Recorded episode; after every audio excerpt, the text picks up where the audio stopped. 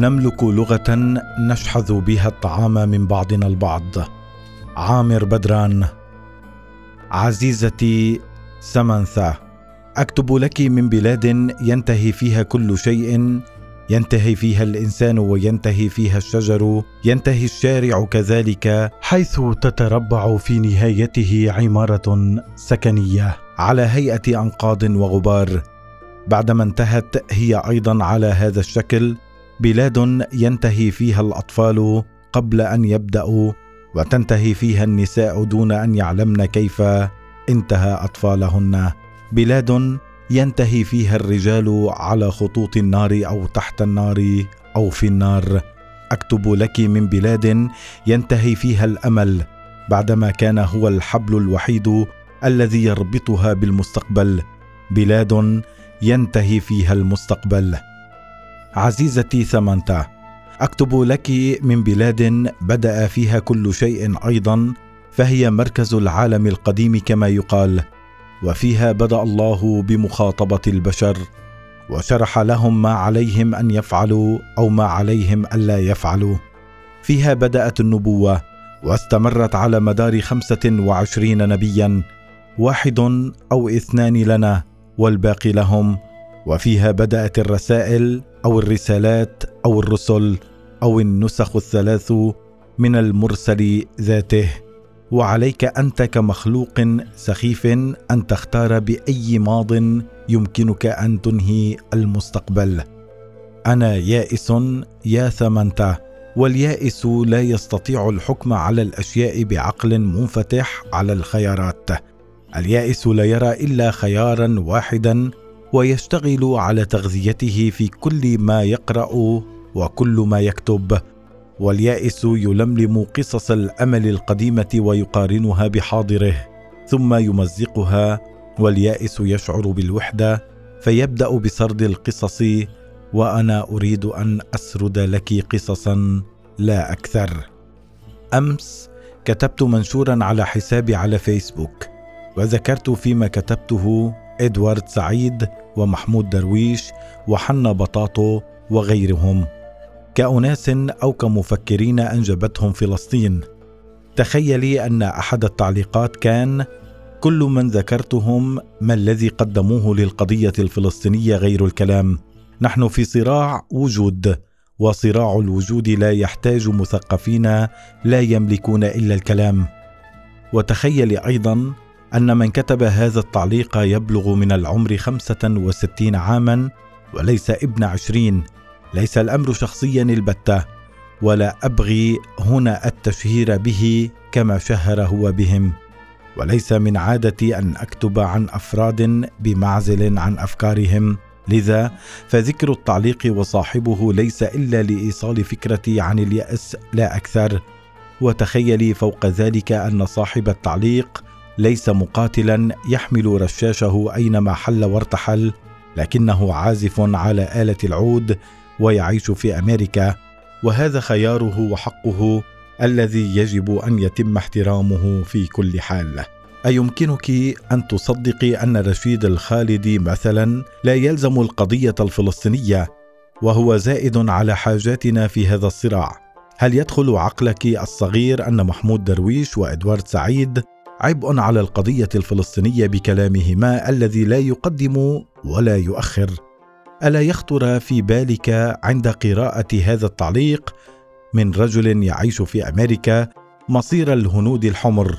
أنا تساءلت إن كان هذا المعلق قرأ كتابا واحدا عن شعب تمت إبادته وانتهى من التاريخ والجغرافيا رغم عناد هذا الشعب وقتاله وقلة مفكريه.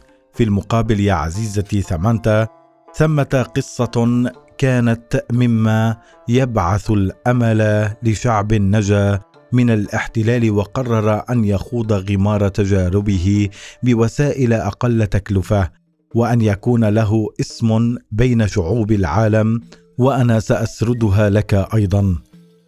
عاش الشعب البلغاري أو ما كان يدعى في ذلك الوقت بالبلغار حيث لم تكن فكرة الشعوب قد تبلورت كمعطى سياسي بعد تحت حكم العثمانيين ما يزيد عن قرون خمسة.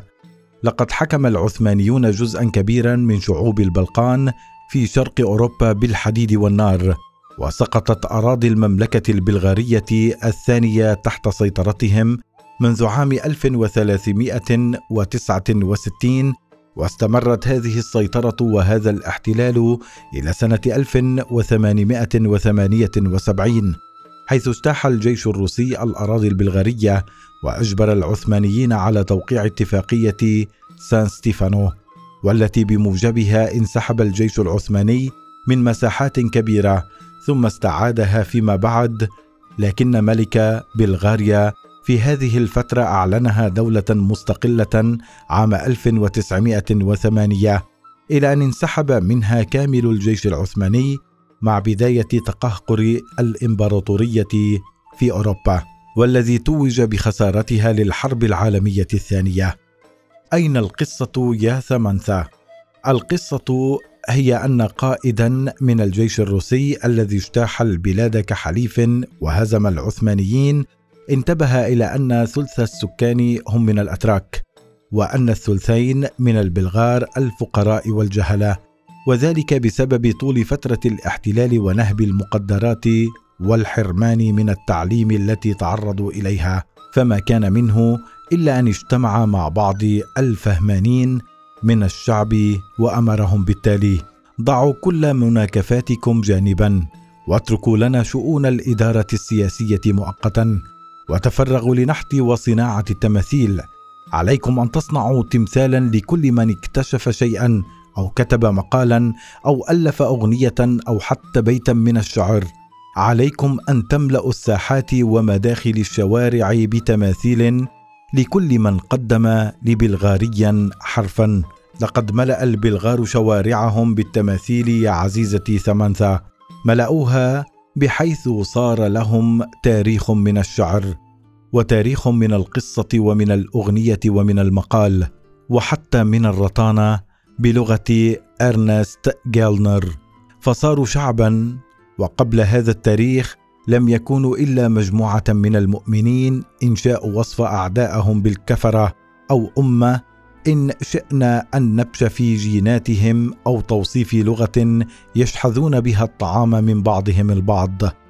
عزيزتي سمنثا أكتب لك من بلاد ينتهي فيها كل شيء ولكن لا تنتهي فيها صلاحية الجينات ولا صلاحية الرسالات. وكلما ظهر فيها من يشد الحبل إلى زاوية مختلفة يتم نبذه وإقصاؤه. بلاد ماهرة بالقضاء على مفكريها ومثقفيها فهم لا يجدون غير الكلام في نهاية المطاف.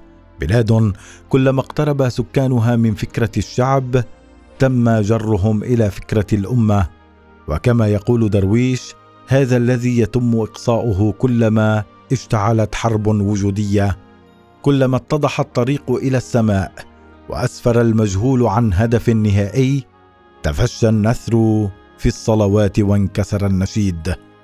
لكن ما يعطي هذه البلاد جرعة من الأمل في وسط المأساة هو غباء أعدائها أيضا.